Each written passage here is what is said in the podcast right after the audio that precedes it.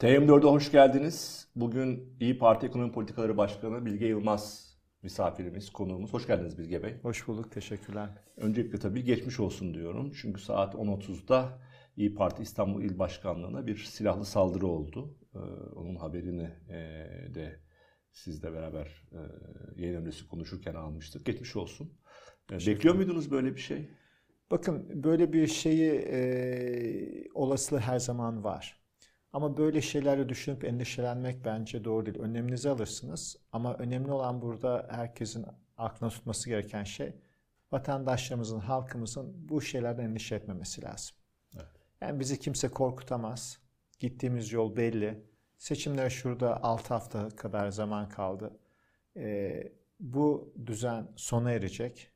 Önceliklerimiz belli. Hep beraber kenetlenip bütün halkımız, milletimiz bu işin üstesinden geleceğiz. Bu tür şeylere pabuç bırakmayacağız. Herkes rahat etsin. E, tabii ekonomiyi konuşacağız ama e, tabii ister istemez insanın aklına e, iki gün evvel Cumhurbaşkanı Tayyip Erdoğan'ın televizyonda konuşurken Meral Hanım'la ilgili bir soruya, e, Sayın Genel Başkanınızla ilgili bir soruya e, beni kendiyle uğraştırmasın diye bir cümlesi de geliyor aklına ister istemez. Meral Hanım hem o gece e, sosyal medyadan cevap verdi hem dün de cevap verdi. Beni korkutamazsın Silivri ile diye. E tabii hep bütün bu süreç hani daha sakin geçsin, daha iyi geçsin diye düşünüyorsunuz ama bu cümlelerin de herhalde birilerinde bir karşılığı var demek ki diye düşünüyor insan. Şimdi bakın Türkiye'de o kadar şey yanlış gidiyor ki ve bunlar şans eseri değil, bilinçli olarak yapılıyorlar. Yani Türkiye'de bir baskı rejimi var. Ee, insanlar tweet attı diye sabaha karşı evlerinden alınıyorlar. Yani bu her şeyin bir parçası. Yani birçok suçsuz insan yıllardır hapiste birçok hiçbir suç işlememiş insan suçlanıyor, baskı altına alınıyor. Birçok suç işleyen de hiçbir şekilde yargılanmıyor. Böyle bir ülkedeyiz. Ee, bununla mücadele ediyoruz. Yani bunun da bilincindeyiz. Genel Başkanımız gereken cevabı verdi. Vermeye de devam edecektir. Dediğim gibi şu an zaten çok zorda kaldıkları için, seçimi kaybedeceklerini gördükleri için o risk onları çok rahatsız ediyor. Huzursuzlar bu tür şeyler yapacaklar. Bunu beklemek lazım. Gereken cevabı biz veririz. Kimse endişe etmesin. Tabii ki bütün milletimize ihtiyacımız var. Herkes gidip oyunu kullanacak. Sandıkta bu düzene son vereceğiz. Ee, Bilge Bey, e, şimdi tabii konuşacağız ama her şeyden önemlisi hiç unutmamamız gereken bir konu ki sizin parti ve siz de unutmuyorsunuz. Deprem bölgesi. Yani orada yaşayan insanlar, orada yaşanan sorunlar. Siz dün Adıyaman'daydınız. 53 ee, gün geçti deprem üzerinden. Bugün 54. gün. Hala çözülmeyen sorunlar, hala ulaşılamayan başta hijyen konular, işte barınma, kocaman bir sorun var. Bir Adıyaman'da ne gördünüz? Ondan bir birkaç cümleyi almak evet. istiyorum sizden. Şimdi bakın Türkiye ciddi yönetilmiyor. Yani Türkiye'nin problemleri çözülmüyor ve esasen kötü yönetildiğinde her büyük problemde, afette bir daha ortaya çıkıyor. Yani Türkiye'de orman yangını oluyor devlet bekleneni, devletten beklediğimiz yapamıyor. Sel oluyor aynı şekilde, deprem oluyor aynı şekilde. Zaten sel, deprem gibi felaketlere e, bu sonuçta bizim kontrolümüzde değil. Hazırlıklı olmak lazım. Tabii onun felaketten sonra müdahalenin de doğru yapılması lazım ama görüyorsunuz liyakatsizliği, ciddiyetsizliği. Onun için buradaki olanlar şaşırtıcı değil sadece üzücü. Adıyaman'a gittiğimizde de gerçekleri görüyoruz. Yani sahte e, temel atma törenleri yapmakla falan kapanacak gibi değil bu iş. Gittiğiniz zaman işte çadır kentleri ziyaret ediyorsunuz. Daha hijyen problemleri var. Hala yeteri, yeteri sayıda tuvalet yok, banyo yok.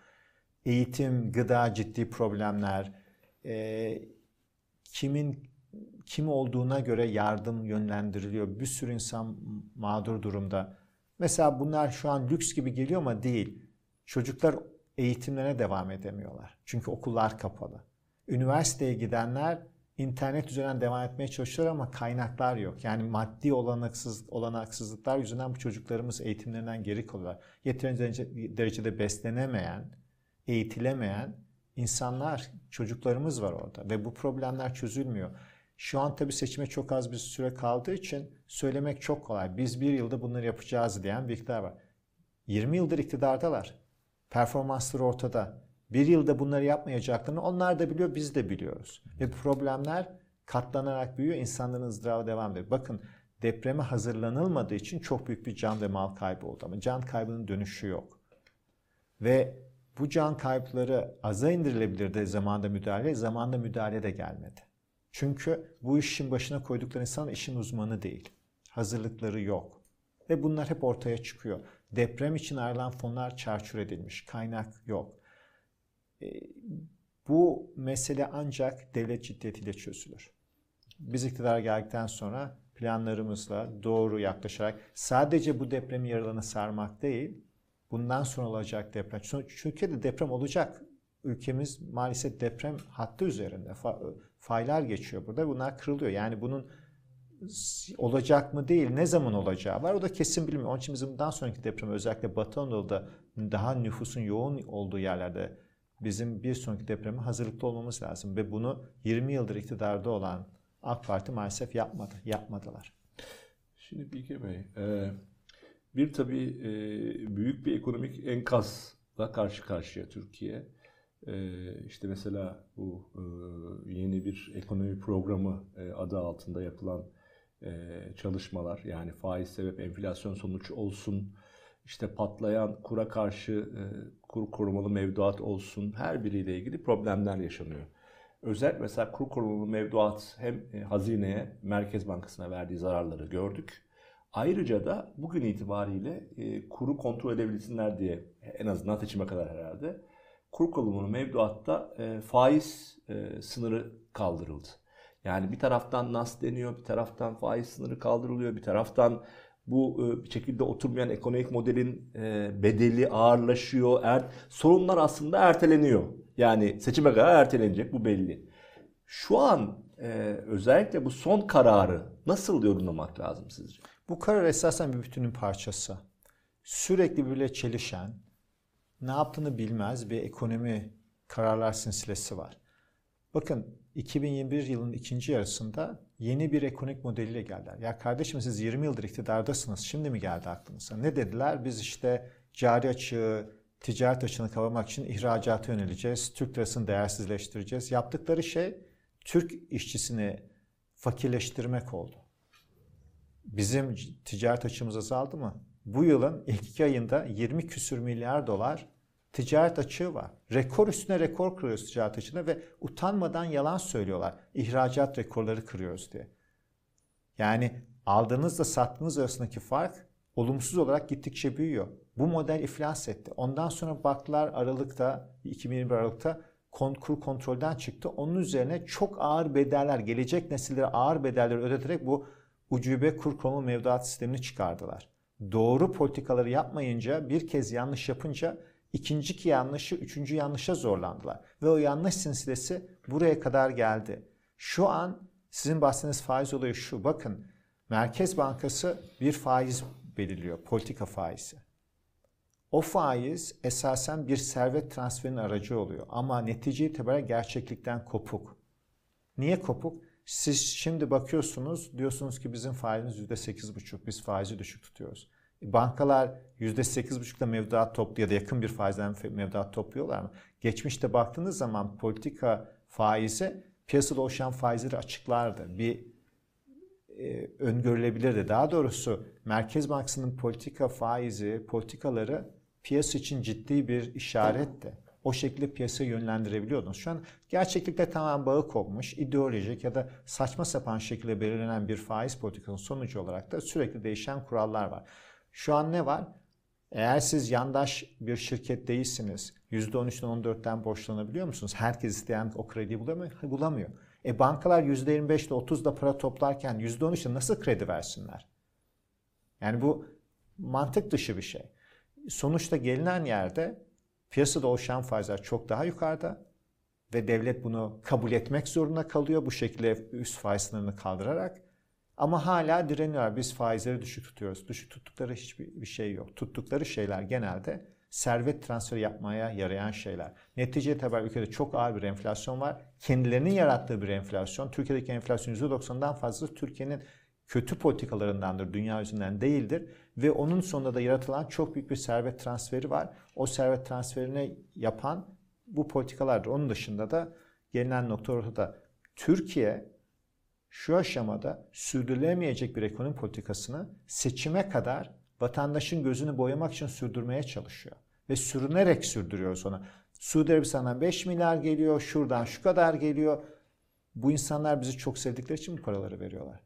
Daha birkaç yıl önce biz Suudi Arabistan'ı itibarsızlaştırmadık mı? Ve haklı değil miydik? Bu ülkede cinayet işlenmedi mi? Evet. Biz dönük o ülkelerden borç aldık. Niye? Halkın gözünü boyayalım. 14 Mayıs'a kadar yaptığımız tahribat su üstüne çıkmasın. E sen bu son faiz kararı onun bir göstergesi. Çünkü tutamıyorlar. Ufak ufak kenarından e, baskıyı, basıncı almak için yani kusura bakmayın arga bir tabir hafif gazını almak için böyle şeyler yapıyorlar. Bu sürdürülemez bir düzendir. Tahribat çok büyük. Bu tahribatı saklamaya çalışıyorlar. Başka bir şey değil. Yani dediğiniz gibi işte Suudi Arabistan, Arap Emirlikleri'nden e, gelen e, paralar var. Rusya'nın doğal gazı e, borçlarını ertelemesi var destek anlamında. Ama ona rağmen yine son verilere göre eksi 41 milyar dolarlık Merkez Bankası rezervi var. Ya da bütün makyaja rağmen 55-60'larda gözüken bir enflasyon var. Ya da işte cari açık var. Ya da ben size 20 tane siz sayarsınız ben de sayarım. Şimdi bunları biz biliyoruz. Şu anda görüyoruz. Bilge Bey diyelim 15 Mayıs sabahı siz beraber işte Millet İttifakı siz de ekonominin bir yerinde bir şekilde var oldunuz. Tabii insanlar şunu merak ediyorlar. Mesela şunu biliyoruz demin söylediniz.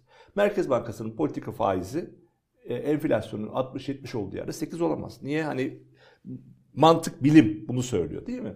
Mesela 8'ler, 9'lar nereye getirilecek? Yani bunun bir mantıklı bir çıkışı mı olacak mı? Veya işte enflasyonla mücadele, Merkez Bankası esasında ana hedefi de o mücadele nasıl yürütülecek? E bunun tabii bedelleri olacak. Biraz bundan anlatır mısınız? Yani kafanızdaki model nedir? Tabii şimdi bu bizim e, Millet İttifakı'nın bir mutabakat metni tabii. var detaylı. Tabii.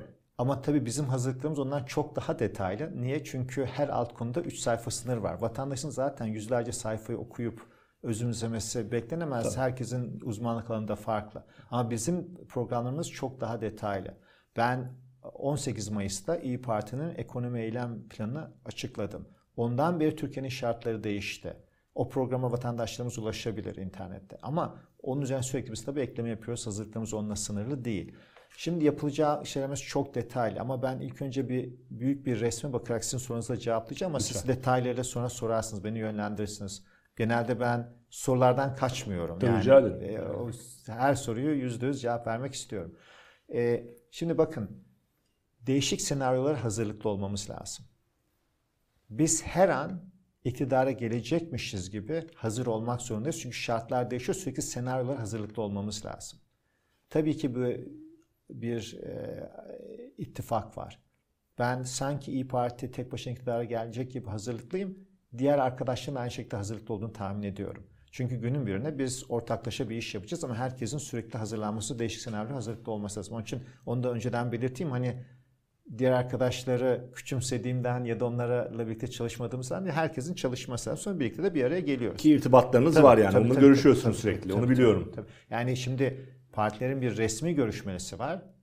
İşte mesela şu an bizim görüşmemiz daha çok deprem politikaları üzerinde yürütülüyor. Ortak görüşümüz ama onun dışında benim her gün görüştüğüm arkadaşlarım var diğer partiden, partilerden. E, sonuçta biz bu ülkeyi seven, çözümleri çözme, yani oluşturmaya çalışan, dertlenen dertlenen insan olarak zaten fikir teatisinde bulunuyoruz. Evet. Şimdi ama yapıl çünkü önce bir sen durumu anlayalım. İlk önce nelerle karşılaşacağımızı bilmemiz lazım. Çok büyük bir tahribat yapılıyor şu an Türkiye'de. Türkiye'deki hiçbir fiyat serbest piyasa koşullarında oluşmuyor. Bu ne demek? Şu an adı konmamış bir sistem var. Bu kur meselesini, döviz meselesinde bir tür sermaye kontrol var adı konmamış. İşte şirketler döviz almak istediği zaman yok alamazsın yasak ya da bankaya baskı, banka ya baskı etmezse şirkete baskı. Ee, bir yerden e, bir para ihtiyacınız var şirket olarak dolar borç almışsınız, dolar alıp ödemek istiyorsunuz ona baskı. Ciddi bir baskı ortamı var. Çeşitli düzenlemelerle bankaların e, devlet tahvil almaya zorlanıyorlar filan falan. Şimdi bütün bunları düşünürseniz e, ve bunu sürdürmeniz esasen içinde sürekli Türkiye'ye para döviz gelmesi lazım. O da gelmiyor. Şimdi ne olacak o zaman? Şimdi 14 Mayıs akşamı vatandaşlarımız gittiler, oylarını kullandılar. Sabah uyandı herkes ve gün gibi bir şey ortada. Cumhur İttifakı seçimi çok net bir şekilde kaybetmiş. Bizi ne tablo bekliyor onu tahmin etmemiz lazım. Ona göre de hazırlanmamız lazım. Değişik tablolar olabilir tabii. Değişik senaryolar çalışmak lazım. Şimdi mesela ben size olası bir senaryoyu söyleyeyim. Şu an şirketlerimiz uzun süredir döviz alamıyorlar. Baskı var. Herkesin büyük bir birikmiş döviz talebi var. Bankalara zorla uzun vadeli deve, deve tahvili aldırmışsınız. Enflasyonun %50, 60, 70, 80 olduğu ya da beklentinin yüksek olduğu çünkü Türk'te doğru söylemediği için kimse de bilmiyor net olarak enflasyon ne oldu. Bir yerde siz demişsiniz ki bankara %8, 9, 10'la Türk lirası üzerinden borç vereceksiniz devlete ve 10 yıllık bu faize razı olacaksınız. Yani bunu dolaylı olarak sağlıyorlar. E şimdi böyle bir yerde piyasalardaki o baskı rejimi kalkarsa ne olur? Şimdi biz mazbatayı almadık. Daha görevde değiliz. Gene AK Parti'nin kadroları görevde, Cumhur İttifakı'nın kadroları görevde. Ama orada bazı suç işleyen arkadaşlar görevi bırakmışlar. Ya da artık oradaki düzgün e, bürokrat arkadaşlar bu usulsüzlükleri devam ettirmek istemiyorlar. Emir gelse bile yapmayacaklar büyük ihtimalle. Ben onları bir şey yapmaya telkin etmiyorum bu arada. Ben sadece senaryoları tahmin etmeye çalışıyorum. Zaten AK Parti'de bu sürdürülemez düzeni sürdürecek barutları da kalmamış olacak. Ayrıca yapmak gibi nedenleri de yok. Şimdi öyle bir ortamda ne olur? Şimdi bir zihin egzersizi yapalım. Sabah 15 sabah 15 Mayıs sabah piyasalar açıldı. Biz hala iktidarda değiliz. Almak üzere hazırlıklarımız var ama mazbatayı alamamışız daha. YSK onaylayacak bir sürede bir süreç yaşanacak. Şirketlerin uzun süreli döviz talepleri var. Bu şirketler artık döviz almak yasak değil. Talep edecekler. Evet. Dövizi kim satacak? Şimdi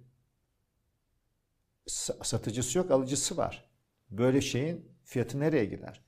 Devlet borçlanma kağıtları yani DIPS denen e, devlet hazinemizin borçlanma kağıtları. Şimdi bankalar bakacaklar böyle bir kağıdı uzun vade tutmak istemiyorlar. Artık bu tuhaf ucube kurallar uygulanmayacaksa onlar da onu satmak isteyecekler. O zaman faizler nereye gidecek? Şimdi orada oluşacak bir tahribat. Daha sonra tahribat var da tahribat su üstüne çıkacak. Ama benim korkum şu. Eğer doğru yönlendirilmez, işini bilen insanlar çok çabuk görevi devralmazlarsa o tahribat başka tahribatlara yol açar. Çünkü ekonomi öyledir. Bir kez güven kaybolduktan sonra, bir kez fiyatlar hareket etmeye başladıktan sonra dengenin çok ötesine yanlış yerlere gidebilir. Şimdi bizim o senaryolara da hazırlıklı olmamız lazım. Evet. Şimdi faiz politikasının sorunuz oraya da geleyim. Bakın şu an biz arkadaşlarımızla çalışıyoruz. Tabii ki çok uyumlu takımlar kurmak zorundasınız. Dünyadaki en iyi yetişmiş Türkler kimse bulup getirmek zorundayız. Şu bu parti meselesi değil bu. Bizim amacımız her gelecek pozisyondaki arkadaşın en liyakatli yapı, işini en yapacak insan olması lazım. Şimdi öyle bir kadroyu kurduğumuzu düşünüyorum. Biz herkese çalışırız. Bazı ilkelerimiz var. Çalışamayacağımız insanlar var. İsterseniz onlara da ayrıca da girerim. Ama vatanını seven, işini iyi yapabilecek herkese de çalışırız. Böyle bir e, belli ilkelere bağlı kaldığımız sürece bu arkadaşlar göreve gelecekler. Şimdi bundan sonra kurumları biz hızla yapılandırmamız lazım. Türkiye'de genelde herkes kendine demokrat oluyor. Yani ya ben iyi huylu diktatör olacaksam olayım eğilimi var maalesef. Öyle bir şey kapılmayacağız. Şimdi biz, ben sonuçta siyasi bir rolüm var. Bürokrat olmayacağım. Benim görevim bu bürokrat arkadaşları siyasi baskıdan korumak ve kurumları çalıştırmak. Biz şu an faiz politikasının nasıl yapılması gerektiği konusunda hemfikiriz doğrular bilim neyi gerektiriyorsa o şartlarına göre, senaryolara göre. Şu an biz şunu yapacağız diyemeyiz çünkü şartları bilmiyoruz geldiğimiz zaman ne oluşacak. Ama olduktan sonra bu arkadaşlar göreve geldikten sonra faiz politikasını Bilge Yılmaz belirlemeyecek. Ya da bakan kimse o da belirlemeyecek. Ben bakan olmayabilirim. Başka bir arkadaşımız o bakanlıktadır. O da belirleyemeyecek. Belirlemeyecek. Çünkü uzun vadede yapılması gerekenleri bürokrat arkadaşlar yapar. Merkez Bankası'nın görevidir politikayı belirlemek, faiz politikasını belirlemek. Tabii ki siyasal iradeyle uyumlu çalışmak zorundalar. Orada bir birliktelik var. Ama kısa vadede siyasiler seçim kazanmak için milletin zararına olabilecek şeyleri yapmaya yeltenebilirler. Ben böyle bir şey yapacağımı düşünmüyorum. Ama bu benim iyi niyetime dayalı olamaz.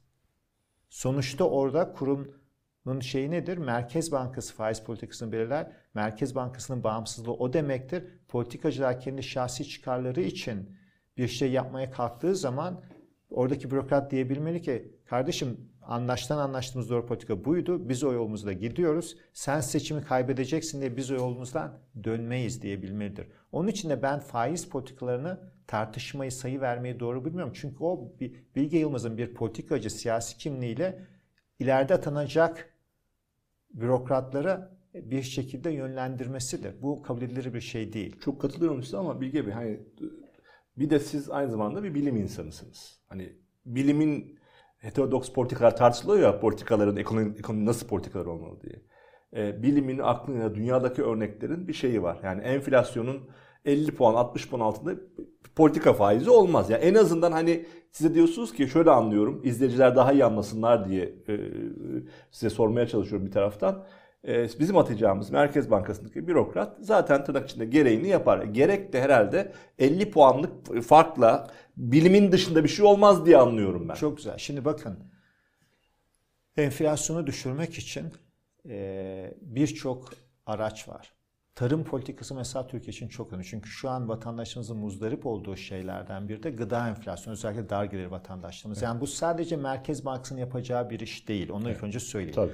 Bizim tarım politikamız da enflasyon kontrol etmede çok önemli olacak. Ama para politikası ne olacak derseniz para politikası piyasanın beklentileri yönünde ama beklentileri de doğru yönlendirecek uzun vadede enflasyonu ve faizi aşağı çekecek şekilde olacak. 3 aylık hedeflere geçeceğiz. Diyeceğiz ki bu önümüzdeki 3 ayda biz enflasyonu şuraya çekmeye hedefliyoruz. Ona göre de para politikamız ona uyumlu olacak. Şimdi bakarsanız piyasada zaten oluşmuş bir faiz var.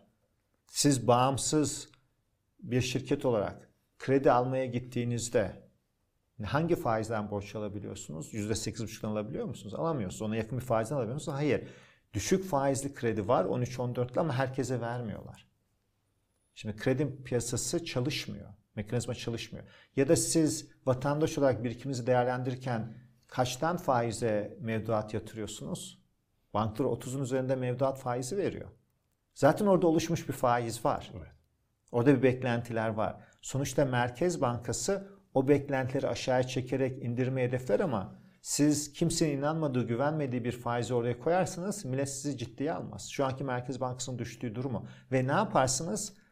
İleriki nesillerin ödeyeceği vergilerden o düşük faizle servet transferi yaparsınız yandaş firmalar. Türkiye'de olan bu. Ve Türkiye'nin kaynakları yanlış harcanır. Sonuçta yani burada zaten piyasanın bize işaret ettiği bir faiz var, oluşuyor.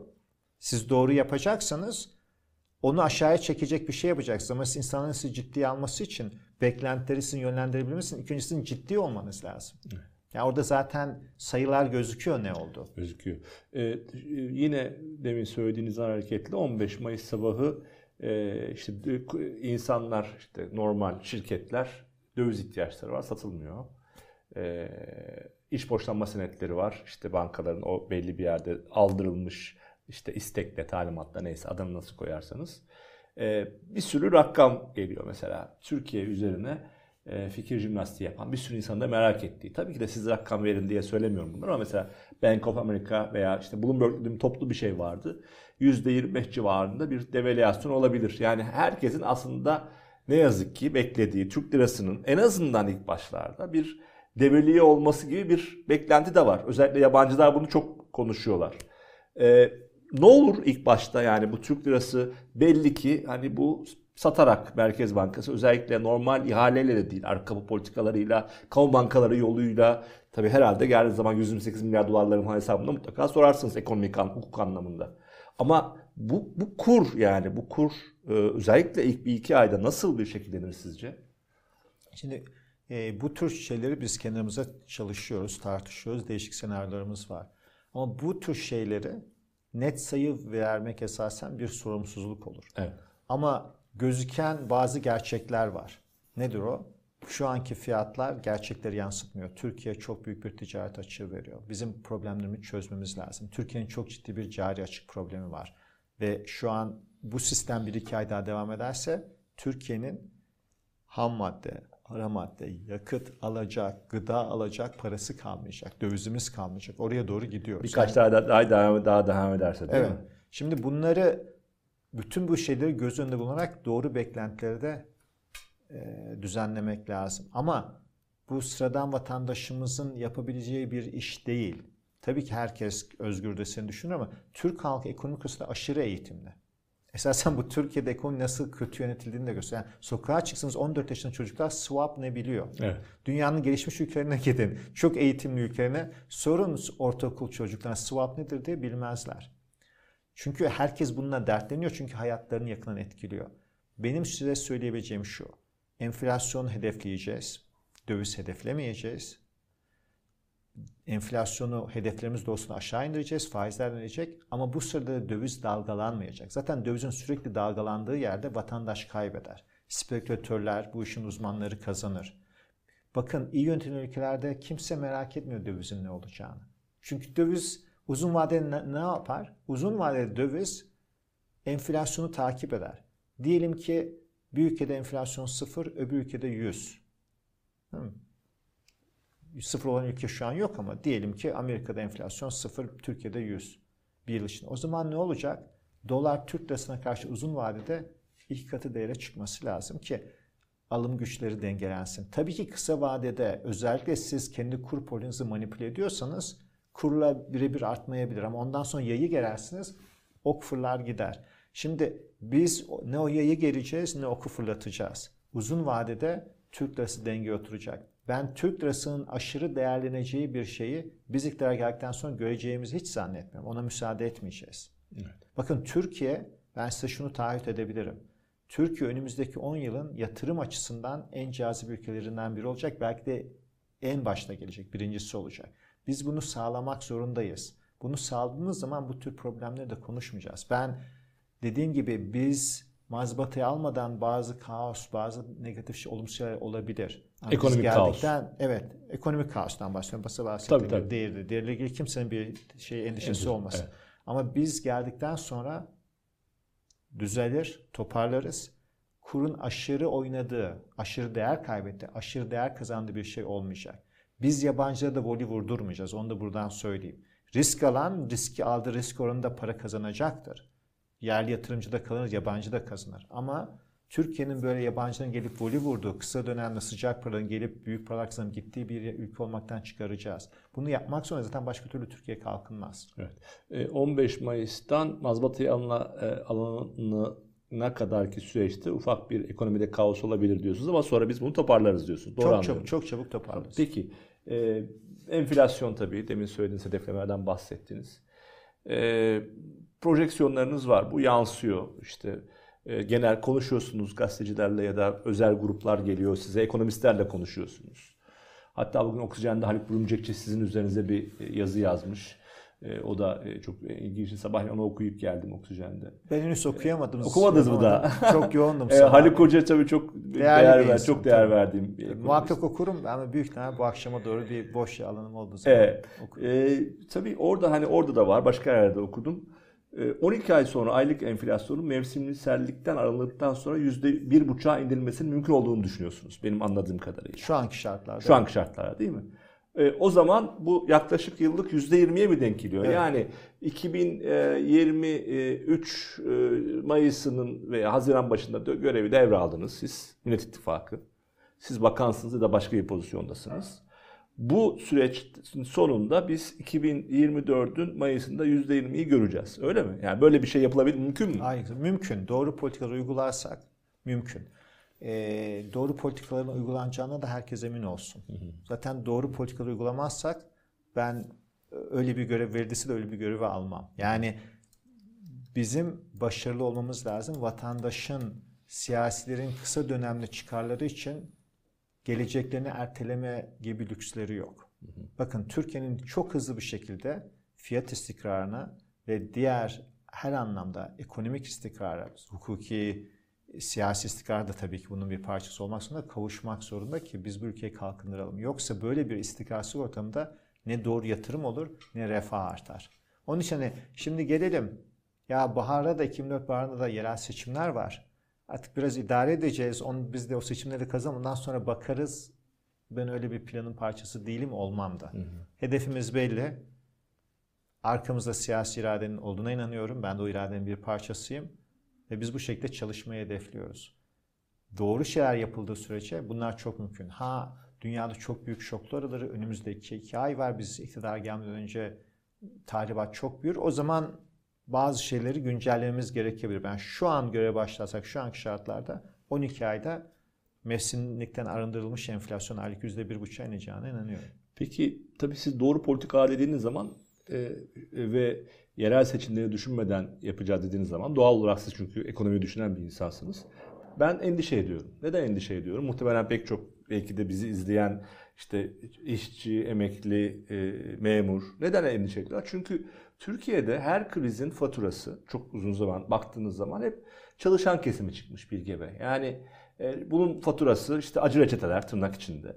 E, hep çalışanlar ödemiş. Şimdi çalışanlarla ilgili ne düşündüğünüzü soracağım ama bir de İzmir İktisat Kongresi'nde de ben sizi izledim. Orada bir konuşma yaptınız ve orada dediniz ki biz e, bir e, istikrar programı açıklayacaksak bile yerli olacak tırnak içinde. Yani bu tabii şunu anladı herkes. İşte IMF olmayacak, başka şey olmayacak. Burada netiz değil mi? Yani herhangi bir uluslararası kuruluş, IMF'nin olmadığı, tamamen yerli politikalarla oluş, oluşturulan ve reçetenin e, çalışanlara çıkmayacağı bir program olarak bunu algılayabilir miyiz? Şimdi bunlar bile ilintili şeyler evet, zaten. Ben içinde. E, bu olaylara müdahale olduğumda, siyasete girdiğimde ilk yaptığım röportajlardan birinde bunu söyledim ama e, daha çok söylemekte de fayda var. Ruşen Çakır'la yapmıştın. Evet. Hatırlıyorum o evet. röportajı. Bakın benim böyle bir şeye gönüllü olmam, müdahale olmam birçok nedeni var. O nedenlerden biri de bir fark yaratacağımıza inanmamız ve benim bazı konularda hassas olmamdan kaynaklı. Onlardan biri de şu. Bunu birçok neden var ama siz burada söylüyorsunuz özellikle buraya e, odaklanacağım. Türkiye başarılı ve başarısız istikrar paketleri uyguladı geçmişte. 2001'de başlayan krizde uygulanan istikrar paketi birçok açıdan başarılı oldu. Daha sonraki yıllardaki vatandaşların biraz da ekonomik olarak rahat etmesinin en büyük nedeni de o 2001-2022'de uygulanan istikrar paketinin doğru bir paket olması da bir anlamda. Ama doğru olmayan da benim beğenmediğim yönleri vardı. Onlardan biri de esasen IMF gibi uluslararası kuruluşların rahatlıkla yapabildiği, çünkü ülkenin vatandaşı değiller, fedakarlıkları ücretli ve dar gelir vatandaşını istemek olur. Çünkü en kolay yolu odur. Biz ona da karşıyız. Ben o zaman da söyledim. Şimdi bir daha tekrar edeyim. Bu sadece benim bireysel olarak buna karşı olmam da değil. Burada çok derin nedenler de var. Bakın Türkiye'de çok derin bir yoksulluk var. Bunu tabii söyleyince bir politikacı olarak iktidar hemen ya işte popülist şeyler söylüyorlar diyebilirler. Doğru değil. Bakın bunları ben bir vatandaş olarak söylüyorum. Zaten bu işlere kalkışan bir vatandaş olmanın nedeni de o. Türkiye'de derin bir yoksulluk var. Biz gelecek nesillerimizi iyi besleyemiyoruz. Yani gıdaya erişimde Türkiye'de ciddi bir problem var. Bu çocuklar iyi beslenmiyor, iyi eğitilmiyor. Uzun vadede bu insani olarak yanlış ama yani siz ekonomiyi düşünen bir canavar bile olsanız o da yanlış olurdu size. Çünkü gelecek nesillerini iyi besleyemeyen bir ülkenin verimlilik sağlaması uzun vadede imkansız. Şu an Türkiye'de dar gelirli vatandaşlarımızın, ücretli vatandaşlarımızın fedakarlık yapacak yeri yok. Böyle bir şey mümkün değil. Doğru değil. Ha insanları daha büyük açlığa mahkum edersiniz. Dersiniz öyle yapıyoruz bunu. Biz ona taraftar değiliz. Benim olduğum yerde öyle bir şey olmaz. Onu taahhüt edebilirim. Şimdi diyebilirsiniz ki IMF gibi kurumlar da değişiyor, ikna edilebilirler. Doğrudur. Ama bizim IMF'ye de zaten ihtiyacımız da yok. Niye olmadığını anlatayım. Bakın IMF'ye niye ihtiyacınız olur? Bizim doğru paketi kuracak beşeri sermayemiz yoktur. Dersiniz ki uzmanlar orada onlar yapacak. Biz IMF'nin çalışanlarına saygısızlık olmasın. Çok kaliteli ekonomistler var ama en az onlar kadar, onlardan daha kaliteli bir Türk grupla geliyoruz. Bu arkadaşlar dünya çapında işlerin uzmanı insanlar. Böyle bir problem yok. Bizim yapacağımız program IMF'nin yaptığı program kadar iyi olur. Ondan daha da iyi olur. İki, böyle bir programı sizin uygulayabilecek operasyonel yeteneğinizin de olması lazım. O da var. Bizim takımımızın büyük bir çoğunluğu zaten daha önce Türkiye Cumhuriyet Merkez Bankası'nda, Türkiye Cumhuriyeti Hazinesi'nde çalışmış tecrübeli arkadaşlar, uluslararası tecrübeler de edinenler var bundan sonra. Orada hep kariyerini geçirmiş arkadaşlar da var. Şimdi böyle bir kadroya görüyoruz. Türkiye'de operasyon tecrübe de önemli. Ondan sonra sizin arkanızda siyasi irade olması lazım. İşte biliyorsunuz e, Sayın Kemal Derviş zamanında biraz da sopayla, IMF sopasıyla siyasetin yapmak istemediği şeyleri yaptırma durumu da vardı. Bizim öyle bir şeye de ihtiyacımız yok çünkü siyasi irade biziz. Arkamızda siyasi irade var.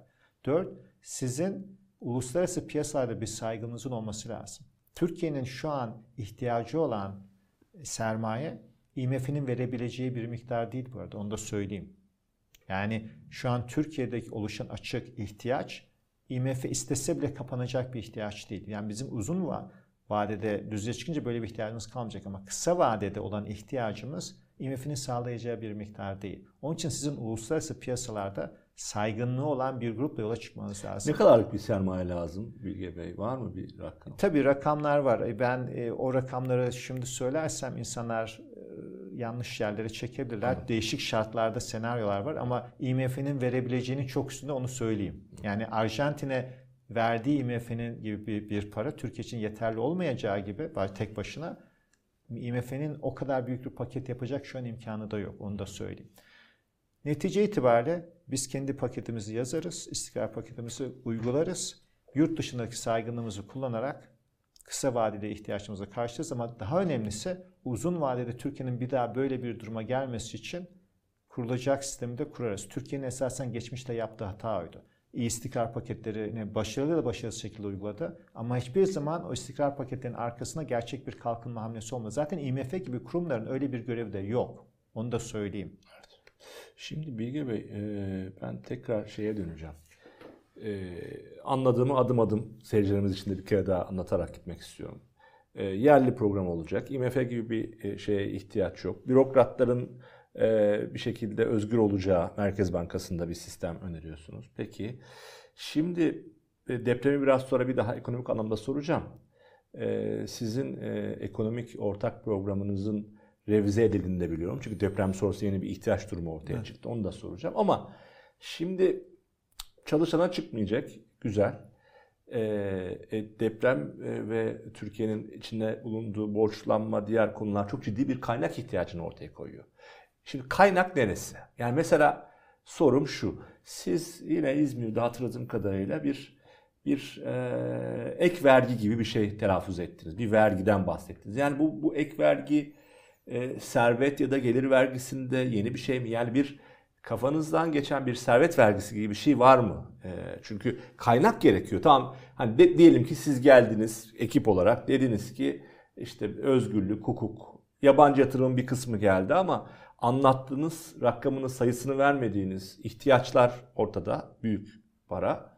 E, fatura çalışana çıkmayacak harika ama bir kaynak. E, servet vergisi düşünüyor musunuz?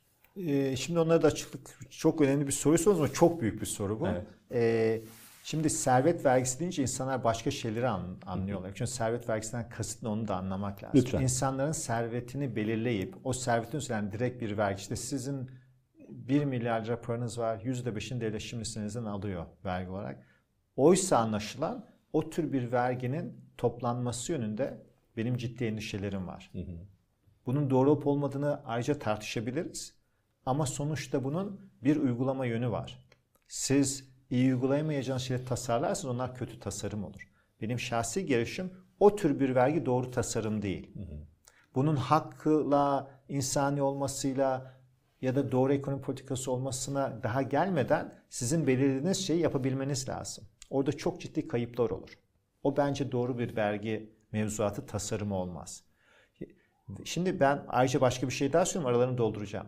Kaynak meselesi konusunda vatandaşlarımız endişeli olmasın. Kaynak bulunur. Önemli olan Türkiye'nin problemi o kaynakları nasıl kullandığıdır. Zaten doğru kullanacak bir program ortaya kalırsanız buraya kaynak yağar.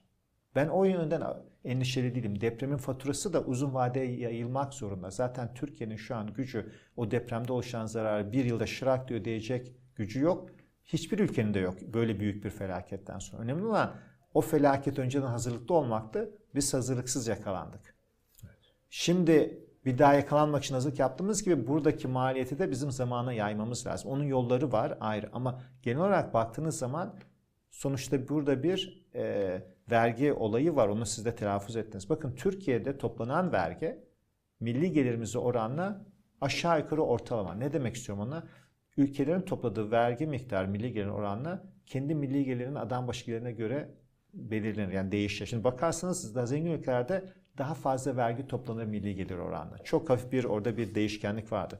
Türkiye'yi koyarsanız bir grafiğe Türkiye esasen gelirine oranla vergi alma konusunda orta gelirli ülke arasında orta sıra orta sırada olan bir ülke. Yani bir anda Türkiye doğru miktarda vergi topluyor. Türkiye'nin problemi vergiyi doğru toplamıyor.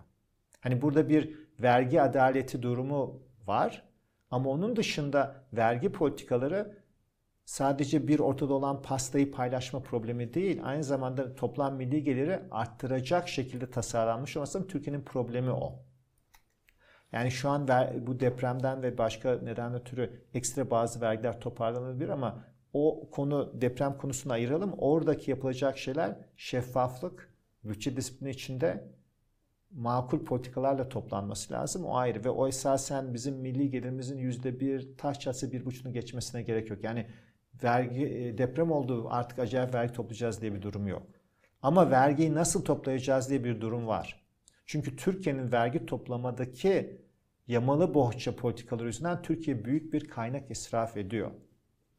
Bakın ben size çok basit bir örnek vereyim. Siz diyelim ki bir iş adamısınız. Bir fabrikanız var. Üretim yapıyorsunuz. Üretim tabii zaman alıyor. Ham madde alıyorsunuz, işçileri çalıştırıyorsunuz, mühendisleri çalıştırıyorsunuz filan falan. Üretiyorsunuz, belli zaman satıyorsunuz. Diyelim ki bu sizin bir yılınızı alıyor. Bu yıl 100 harcadınız. Enflasyon atıyorum %80. E, bir dahaki sene geldi malınızı satacaksınız 200'e sattınız. Karınız ne? 100'e mal ettiniz 200'e sattınız 100. Devlet size 100 lira üzerinden vergi alacak. Ama esasen karınız 20 çünkü maliyetler arttı. 180 olmuş artık maliyetler. Evet. Ama devlet size diyor ki ben onu saymam kardeşim ben yüzünden vergi alırım. Diyorsunuz ki ben onu yapmazsam fabrikamı AVM yaparsam ya da rezidans yaparsam oradan para kazanırsam ne kadar vergi veriyorum? Devlet diyor ki o zaman ha biz seni enflasyona mağdur etmeyiz seni ondan koruyacağız. Yani size devlet diyor ki size siz üretmeyin kardeşim. Üretirseniz ben sizden çok vergi alacağım. Siz gidin ranta inşaata girin diyor. Ha ona mı girmiyorsunuz? Finansal spekülatör olun çünkü orada hiç vergi almıyorum diyor. Şimdi Türkiye'de böyle bir yani bu trajikomik söyleyince insanlar abartıyorum falan söylüyor. Türkiye'deki vergi mevzuatı budur. Yani bunların düzeltilmesi lazım. Ki insanlar doğruyu yapmaya teşvik olsun, üretim artsın. Onun dışında vergi adaleti mevzusu var.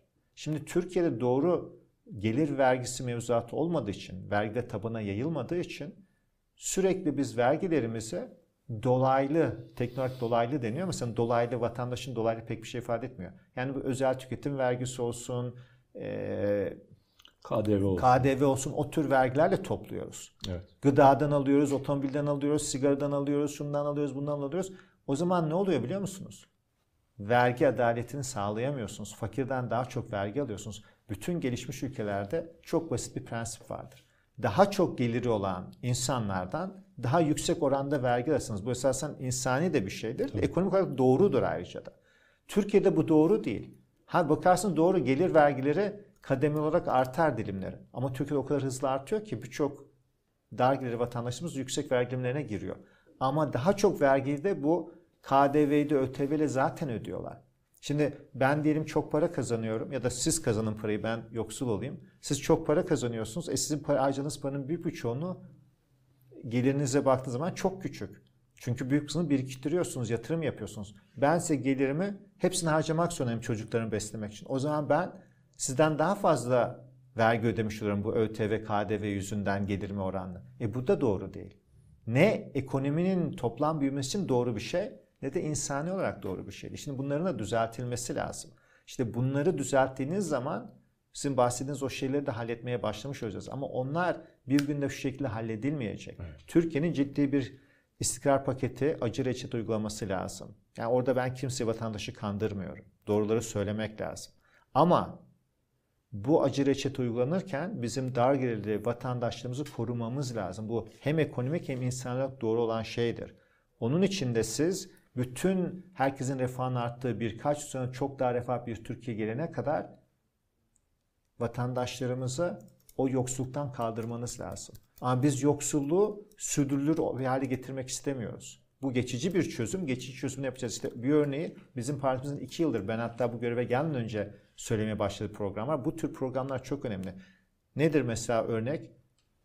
Anaokulundan lise sona kadar devlet okullarına giden her çocuğumuza kaliteli gıdası bilimsel olarak hesaplanmış sabah kahvaltısı ve öğlen yemeği vereceğiz. Niye önemli bu? Çünkü çocuklarımızın hepsinin iyi beslenmesini istiyoruz. Hem bu ailelerin bütçesine destek olacak ama verimli bir şekilde devletin topladığı vergileri de harcamış olacağız. Ortaya para dökerek işte bir kısmında yoksullara gidecek şekilde verimsiz para dağıtmanın israftan başka bir şeyi yok. Şimdi vergiye geri dönersek toplarsak oradaki olayı. Şimdi bakın Türkiye'deki vergi mevzuatı doğru olmadığı gibi bir de orada vergi muafiyetleri var. Teşvik politikaları var. Bakın onu da söyleyeyim. Türkiye teşvik politikaları açısından milli gelirine oranla dünyanın en bonkör ülkelerinden biri. Büyük bir kaynak israfı var. Hani yolsuzluklar falan var oralara girmiyorum. Biraz önce siz bir dokundunuz ucuna ama sonra sorarsanız anlatırım. Buradaki israfı kestiğiniz zaman da ciddi bir rahatlama olacak. Ne oluyor biliyor musunuz Türkiye'de? Türkiye ciddi miktarda teşvik dağıtıyor. Amaç ne? Milli gelirimiz artsın. Bakın çok acıklı. Türkiye Cumhuriyeti tarihinde, gerçi ilk yılları suçlamak lazım. Ekonomi bilim o zaman gelişmiş değil. Yani bu son 30 yılda, 20 yılda rahat yapılacaktı. AKP iktidarında rahat yapılacak bir şey. Hiçbir zaman yapılmamış. Ne yapılmamış? Biz bu teşvikleri veriyoruz. Bilimsel olarak bunu tasarlamış mıyız? Etkeniniz yapmış mıyız? Hayır. Daha da acıklısı. Bu teşvik politikalarının sonucunda, bu vergi muafiyetinin sonucunda ne tür olumlu şeyler olmuş hiç ölçmüş müyüz? Kimse veriyi toplamamış, kimse analiz etmemiş. Parayı döküyoruz, hiçbir sonuç yok, bakmıyoruz bile nereye döktüğümüze sonra. Bir kez de para dökülmeye başladıysa her yıl dökmeye devam ediyoruz. Şimdi bunların durması lazım. Bunlar durduğu zaman hem tasarruf edeceğiz hem de bu paraları doğru harcadığımız zaman ekonomi kalkınacağız. Şimdi onlar çok önemli. Çok önemli bir cümle söylediniz. Not aldım ben de onu. Dar gelirlinin korunduğu acı reçete uygulayacağız dediniz. Şimdi e, vergideki düzenleme e, bir süre alır. Yani biliyoruz hani bunun hani e, yeni baştan işte şeyler değişecek, tedbirler değişecek işte her şey değişecek bir şekilde. Ama bunun e, tekrar tam anlayabilmek için soruyorum.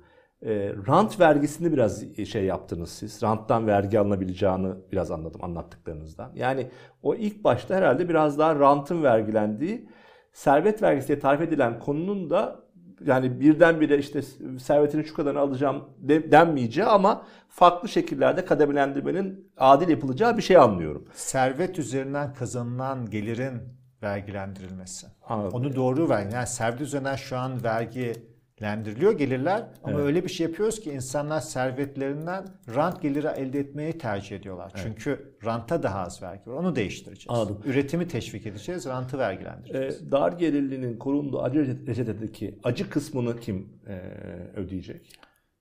Zaten kim ödeyeceği aşikar. Bir, Türkiye'den rant sağlayanlar, yolsuzluklar, ucuza de yandaş şirketler, kredi kullananlar buraları kısacağız. Hı hı.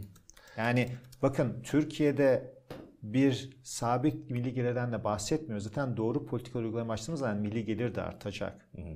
Ama kısa vadede Türkiye bu rant meselesini çözmek zorunda. Tabii ki kanuni olarak spekülatif işler yapanlar var. Bütün dünyada var. Ona engel olmak gibi niyetimiz yok. Zaten doğru da değil. İnsanlar gidip finansal araçlara yatırım yapmak istiyorlarsa, inşaat yapmak istiyorlarsa başımız üzerinde yerleri var. Tabii ki yaparlar. Herkes özgür. Ama siz herkesi doğruya teşvik edecek politikaları koyduğunuz zaman dersiniz kardeşim bu tür işe giriyorsan güzel gir kendi parandır ama kazandığın zaman ben onu vergilendiririm. Evet. Şimdi Türkiye'de burada siyasetin finansmanı var. Sen siyasetin kendisi de finansmanın büyük kısmını bu rant dağıtımından aldığı için ben bunu söylüyorum. Bunu hafif bir terim olarak kullanmıyorum. Türkiye'de şu an AK Parti Türkiye bir organizasyon suç örgütü gibi yönetiyor. Yani rantları teşvik ediyor. Rantlardan vergi almak yerine ranttan rant topluyor. Şimdi biz bu düzeni bitirmemiz lazım. Türkiye'de bu sayılar artık çok küçük değil. Sayılar çok büyüdü.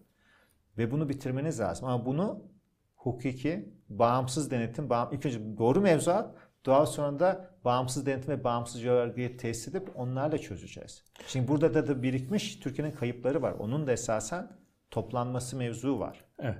E, şimdi tabii e, deprem sonrası yani 6 Şubat öncesi 6 Şubat sonrası hem e, hepimizin e, acıları büyük. Ruhsal olarak bir şey değişti, siyasal olarak bir şey değişti ama tabii ekonomik olarak da bir şey değişti. Ben Ankara'daki toplantınızda da gelmiştim. E, İstanbul'da toplantınızı burada sizin İyi Parti'nin izledim. Sonra Ankara'daki e, ortak altılı masanın tabakat metni toplantısına da gelmiştim. 2520 maddelik çalışmanız var, ekonomi kısmı var, çalıştınız. Fakat şimdi 6 Şubat'taki o, o büyük yıkım sonrası e, yepyeni bir model de gerekiyor ki sanıyorum çalışılıyor o konuda. Evet. E, bir ekonomide bir hani revize edilecek diye biliyorum. Şimdi siz yayının başında söylediniz de diyor ki iktidar e, bir senede veririm, e, hazırlarım, yaparım konutları bir senede veririm diyor.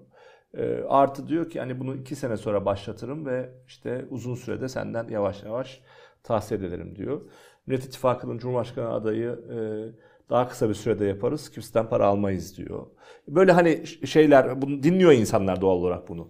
Nedir yani nasıl bir e, hem deprem bölgesindeki e, bu konut yapımı hem de yeni e, ortaya çıkan ekonomik durumla ilgili yeni finansal kaynaklar. Bunu biraz açar mısınız? Şimdi bahsettiğim gibi başından finansal kaynak olayını çözeriz. Kaynakları israf etmek, doğru kullanmak daha önemli bir problem ve onu da çözeceğiz. Ama kaynak tabii ki Türkiye'nin çok ağır bir felaket yaşadığı aşikar. Tabii ki biz bir felaketi çok daha atlatabilirdik doğru şey yapılmış olsaydı o ayrı bir mevzu. Ama şu an geldiğimiz noktada ileriye dönük bizim kaynak bulmamız lazım. Bunu zamana yayabilmemiz lazım. Oradaki yaraları onarmak, hızlı bir tedaviye yapmak için olan kaynaklar şu an Türkiye'nin bütçesinde yok.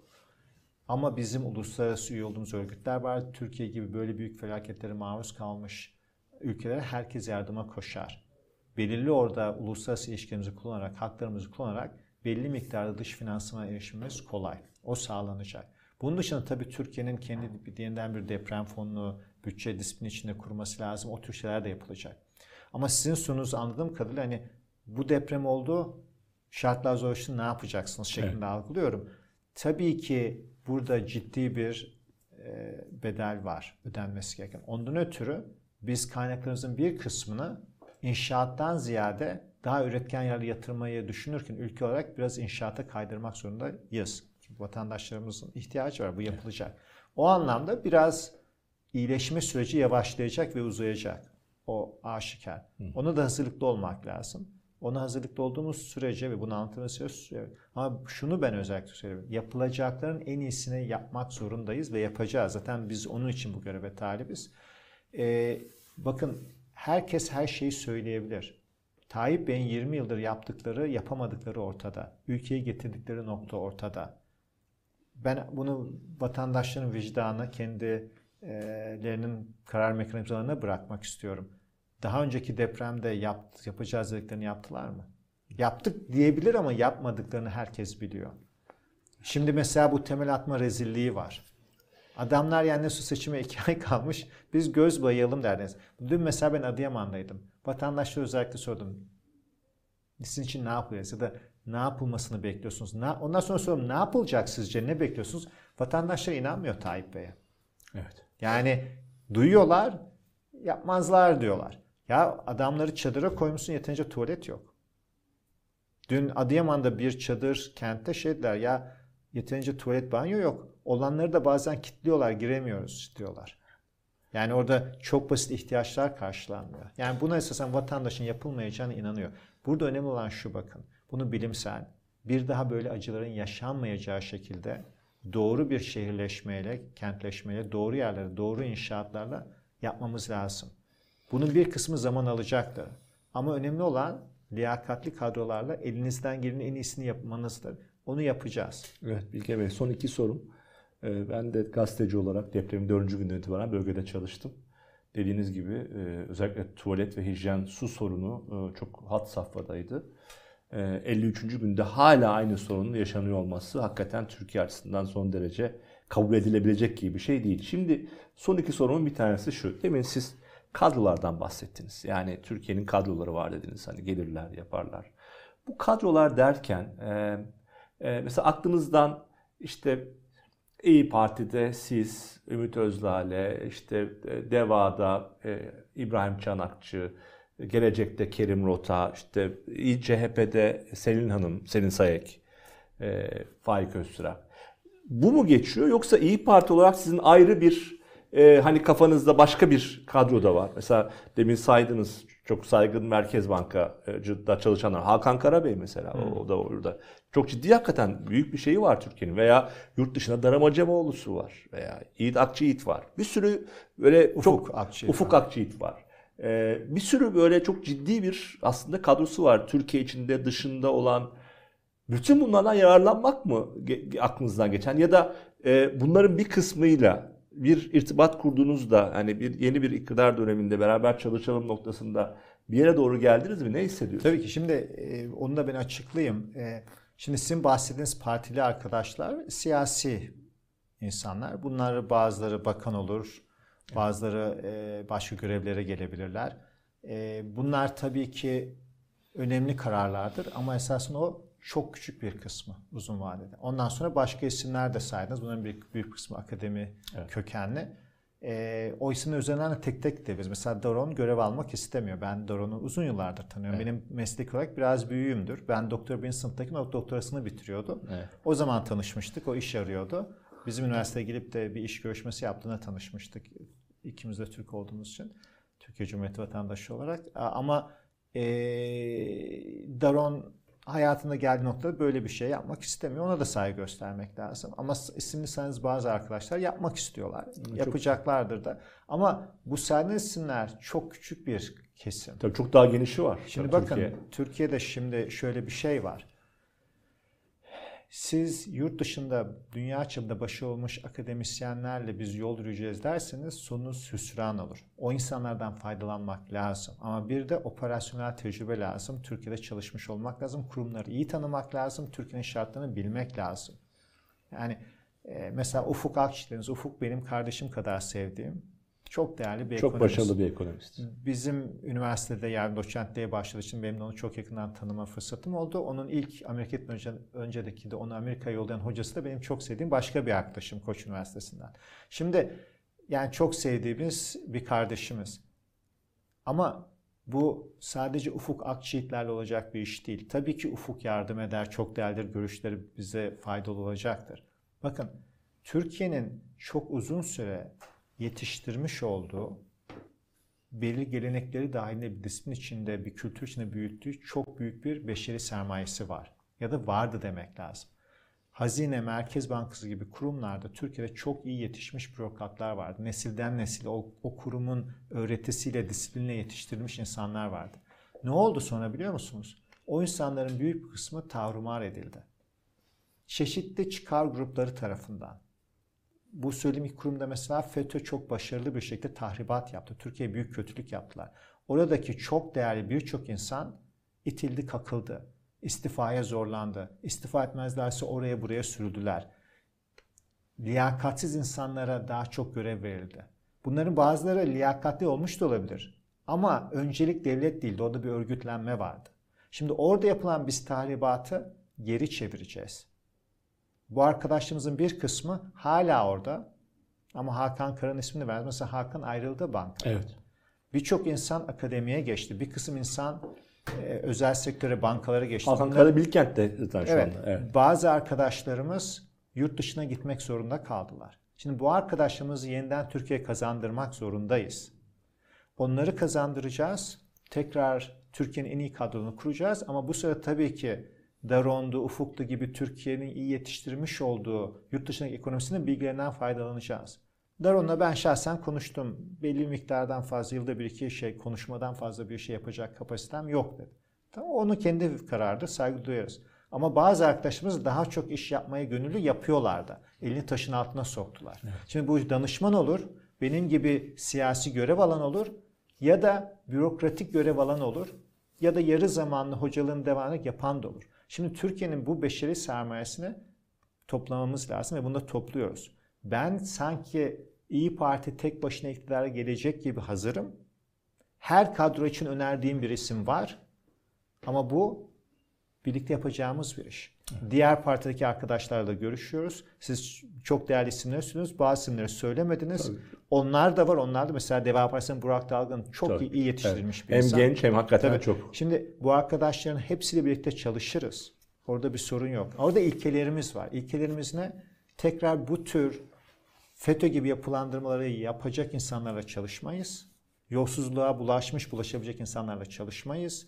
Cinsel tacizi yapmış, şunu yapmış, yapmış insanlarla çalışmayız. Bunlar da herkes umarım makul karşılayacaktır. Onların dışında bizim bir şeyimiz yok. Herkese çalışırız. Ben ona da hazırım.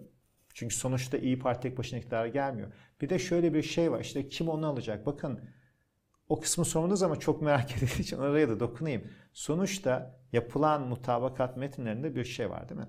Bakanlıkların hangi bakanlıkların nasıl dağıtılacağı konusunda milletvekili sayısı önemli. Sonuçta İyi Parti'nin %15 oy almasıyla bir oy almasıyla 30 oy almasında yüzde fark var. Yani biz diyemeyiz ki İyi Parti %15 olsa şöyle bir şey var. Ama 30 olursak çok daha başka bir şey olacak. 1 olursa olmayacak. Yani İyi Parti %1 oy almayacaktır ama farz edelim ki aldı. O zaman biz diyebilir miyiz ya kardeşim bu şu, bakanın hepsi İyi Parti'de olacaktır. Zaten mutabakata ay- aykırı. Yani oransal olacak. Olduktan sonra da konuşacağız, anlaşacağız, arkadaş yapacak. Ama önemli olan burada şu, onun altını özel çizeyim. Biz hepimiz görevi tek başımıza devralacakmış gibi çalışmazsak o zaman hazırlıksız yakalanırız. Yani ben şimdi bekleyeyim, ne olacağını bilmiyorum, bir bekleyeyim. 30 Mayıs'ta bana görev verirse o zaman bakarım dersen felaket olur. Ben onun için 30 Mayıs'ta görevin bana hatta 15 Mayıs'ta görevin bana verileceği ve tek başıma yapmak zorunda kalacağım bir duruma hazırlıklı olayım ki görevi devralırsak en iyi şekilde direkt yere düştüğümüz zaman koşmaya başlayalım. Ya pek çok yorum geldi siz konuşurken izleyenlerden. Ee, Herkesin aslında ortak şeyi şu Bilge Bey. Buna çok özlemişiz. Bir, yeni baştan farklı ideolojilerde olsak da ortak çalışma prensiplerini yakalayabilmeyecek olmak. Yani buna çok ihtiyacı var insanların. Yani tabii ki de farklı farklı parti ideolojiler ama bir memleket var. E, o memleket için. Yani bir ortak çalışma. İkincisi siz e, IMF'nin parası yetmez Arjantin örneği vermişsiniz. Hemen bir e, izleyen 2022'de Arjantin'e 45 milyar dolar vermiş eyvah gibi bir cümle kullanmış. Yani o kadar insanlar ilgili ki aslında şeylerle an an geliyor. Son sorum şu size e, tabii. Bir tartışma var bir taraftan. İşte neoliberal politikalar, sosyal devlet. İşte biraz daha neoliberal politikalara yakın yani kabul edersiniz etmezsiniz. Mesela siz biraz daha burada görüyorlar ama işte biraz daha aslında işte CHP'nin e, sosyal devleti daha önceleyeceği bir sistem. E, nasıl bir dinimiz? Tabii ki de hani dünya artık çok daha farklı düşünce sistemlerinin ortaya çıkması gereken bir yapıda e, e, istiyor. Yani teknolojisi bir, bir taraftan, algoritma bir taraftan, işte dünyanın yeni kutuplaşmaları bir taraftan, yani dış politika alanınız değil ama yani Çin gidiyor, Suudi Arabistan'la İran'ı barıştırıyor. Başka türlü bir konjonktür ortaya çıkıyor. Bunun ekonomik konjonktürü var, siyasi var. Sorum şu, nedir sizin hani nedir politikanız? Sosyal devlet ağırlıklı mı olacak? Neoliberal politikaları mı öncelikliyorsunuz? Son soru da bu olsun. O soruyu cevaplamadan önce bir de yurt dışına dokunuz. O kısım çok önemli. Haklısınız. Evet. Türkiye'nin çok hızlı bir şekilde sıçrama yapabilmesi için uluslararası haklarını doğru kullanması lazım ve uluslararası ilişkilerini düzeltmesi lazım. Bakın biz Avrupa'nın yanı başındayız. Avrupa'nın gümrük birliği içindeyiz. Ama yaptığımız anlaşma çok eskidi. Modernize edilmesi lazım. Bunun da Türkiye Cumhuriyeti'nin buna hakkı var. Şu an bunu yapamıyor. Niye yapamıyor? Çünkü uluslararası ilişkilerini yürütemediği için komisyondaki memurlar evet diyor. Politikacılar, ülkeleri yöneten Avrupa'daki e, ülkeler hayır dedikleri için olmuyor. Şimdi bunların da hızla düzeltilmesi lazım ki Türkiye hızlı kalkınabilsin. Türkiye'nin hızlı kalkınması için dünyadaki bu yeni oluşan sizin bahsettiğiniz oluşumda yerini alabilmesi lazım. Türkiye'de bakın tedarik zincirleri denen bir şey var. Artık hiçbir şey sadece bir ülkede üretilmiyor. Mesela şu benim telefonum Apple diye bir Amerika şirketi tarafından üretiliyor. Apple 31 değişik ülkeden parça alıyor. Evet. Amerikalı mühendislerin daha sonra mühendislerin çünkü mühendislerin büyük kısmı Amerika'da değil ama Amerika'da yaşıyorlar. Tasarladığı telefonu Çin'de üretiyorlar ama Koreli, e, Alman'da, Japon parçalarla üretiyorlar. Şimdi bu tedarik zincirleri hızla kısalıyor bütün dünyada. Niye? İki nedeni var. Bir pandemi sırasında gördüler ki güvenilirlik önemli. İki, yeniden bir dünyada kutuplaşma var. Çin ve Rusya'nın yarattığı e, bir e, ayrı bir kutuplaşma var Batı koalisyonuna karşı. Ondan ötürü Batılı devletler şu an bu tedarik zincirlerini kısaltıyorlar. Asya yerine yakındaki ülkelere çeker. Şu an Türkiye çok cazip bir ülke olabilir. Ben Türkiye gelecek 10 yılın en cazip ülkelerinden biri olacak derken bunları düşünerek söyledim. Yani o böyle ben onu dilekler listesi olarak söylemedim. Planımızı biliyorum çünkü. Türkiye Avrupa'daki o tedarik zincirlerinin en büyük üretim merkezi haline gelir. İş gücümüzle, mühendis kalitemizle, ekonomik imkanlarımızla, kaynaklarımızla bunu getireceğiz. Onun için o çok önemli. Şimdi sorunuzun ilk kısmını bana hatırlatırsanız o kısmını Sosyal devlet, sosyal neoliberalizm. Şimdi bakın o da Türkiye'de yanlış anlaşılıyor. Ben iyi ekonomist olmaktan yanayım. Bu işe ideolojik bakmıyorum. Her ülkenin de çözümü kendi içinde saklıdır. Böyle bu tür ben neoliberalim, liberalim, sosyal devletçiyim falan diye söylerseniz yanlış yollara saparsınız. Benim tabii ki bir siyasi görüşüm var. Hani onu sorarsanız onu da anlatırım. Biraz hatta anlattım. Evet. Ee, dar gelirli, ücretli vatandaşın korunması benim biraz da siyasi tercihimdir. Ama doğru ekonomi politikaları vardır. Milli gelirin toplamını arttıran. Biz onları yapmak için geliyoruz. E, ben size örneklerle anlatayım. Herkes daha iyi anlayacaktır. Mesela serbest piyasa koşullarına bırakalım. Her şey kendi kendine iyi olur. Öyle bir şey yok dünyada. Devletin her zaman denetleyici, düzenleyici, destekleyici rolü olacaktır. Ama her ülkenin kendi ihtiyaçları vardır. Ona göre değişir. Mesela Türkiye'de tarımda devletin çok büyük bir rolü olmak zorunda. Bizim tarımımızda çok büyük hatalar yapılıyor. Çiftçimiz yalnız bırakılıyor. Çiftçimizin üretim teknikleri falan iyi olabilir, çok çabalayabilirler. Fakat orada ciddi problem var. Ne olacak orada? Devletin önderliği lazım. Niye önderliği lazım? Çünkü çiftçimizi yanlış havzada yanlış şey ekiyor. Yanlış gübre kullanıyor. Ya da yeterince kullanamıyor çünkü parası yok. O zaman bizim orada devletin bir önderliği lazım. Hangi konularda önder lazım? Bir bilim. Devlet diyecek ki kardeşim bakın herkesin toprağı kendinin istediğini yapabilir. Ama biz şu havzada şunun üretilirse daha verimli olacağını biliyoruz. Hem çevreye daha az zarar verecek hem uzun vadede daha sürdürülebilir olacak ve aynı zamanda daha çok ürün elde edebileceğiz, daha zengin olacağız. O zaman biz diyeceğiz ki kardeşim siz bu dediğimiz ürünü eker, bizim dediğimiz gübreyi, bizim dediğimiz tohumu kullanırsınız devlet sizin finansman sorununuzu da çözer. Biz size bunu bedava da çok ucuza veririz. Devletin kaynaklarını kullanarak. Ve sizin söyleriz ki malınızı satarken hasatınızı topladıktan sonra 6 ay 7 ay sonra belirsizliğinizi ortadan kaldırırız. Fiyat düştükse minimum fiyat garantisini en baştan veririz ki siz hesabınızı ona göre yaparsınız. Şimdi buna bakarsanız bu hiç liberal bir politika değil. Evet. Ama Türkiye'nin ihtiyacı olan politika bu. Yani ben liberalim, neoliberalim, devletçiyim, yok Keynes'ciyim, yok şuyum, konser... Bunlarla bir yere varamayız. Her ülkenin kendi ihtiyacı farklıdır. Bizim amacımız ülkenin refahını arttırmak. Benim şahsi tercihlerimle siyasi görüşlerim önemli değil. Önemli olan Türkiye'nin bir ekonomist olarak doğru tasarımları yapması, doğru politikaları uygulaması lazım. Biz Kore değiliz. Kore'de her çalışan şey burada çalışmaz. Çin'de değiliz. Almanya'da değiliz. Kendi ülkemizin ihtiyaçları olan şey yapacağız. Biz bunu ideolojik olarak yaklaşırsak çok hata yaparız. Sonuçta bakın ben 30 yıllık bir kariyerim var. Yani ondan önce mühendis olarak daha kısa bir kariyerim var ama ekonomist olarak 30 yıllık kariyerim var benim kariyerime bakarak şu adam böyledir dersiniz beni çok farklı yere koyarsınız. Mesela o adam o beklentilerle yaklaşırsanız bu tür tarım politikasını uygulatmaz. Çünkü dersiniz ya bu adam dünyanın en önemli finans okulunda 25 yıldır hocalık yapmış. Finans çevrelerine çok yakın. Finans çevrelerinin adamı. O serbest piyasa değil. Biz buraya Türkiye yardım etmeye geldik. Türkiye yardım edeceğiniz zaman Türkiye'nin ihtiyacı olan politikaları uygulamak zorundasınız. Yani ben ne liberalim, ne neoliberalim ya da, ya da Keynes'ciyim. Ben ekonomistim, iyi bir ekonomist olduğumu düşünüyorum. Doğru politikada tasarladığımızı düşünüyorum. Ben onları uygulamak taraftarıyım. Evet. Öyle düşünürse herkes ideolojik olmadan bence çok faydalı olur. Çok teşekkür ederiz. Ben teşekkür Gayet ederim. Gayet anlatıcı oldu. Sorularımıza cevap aldık. Ee, efendim e, bugün konuğumuz İyi Parti Ekonomi Politikaları Başkanı Sayın Bilge Yılmaz'dı. Başka programa tekrar görüşmek üzere. Herkese iyi günler diliyoruz. Hoşçakalın.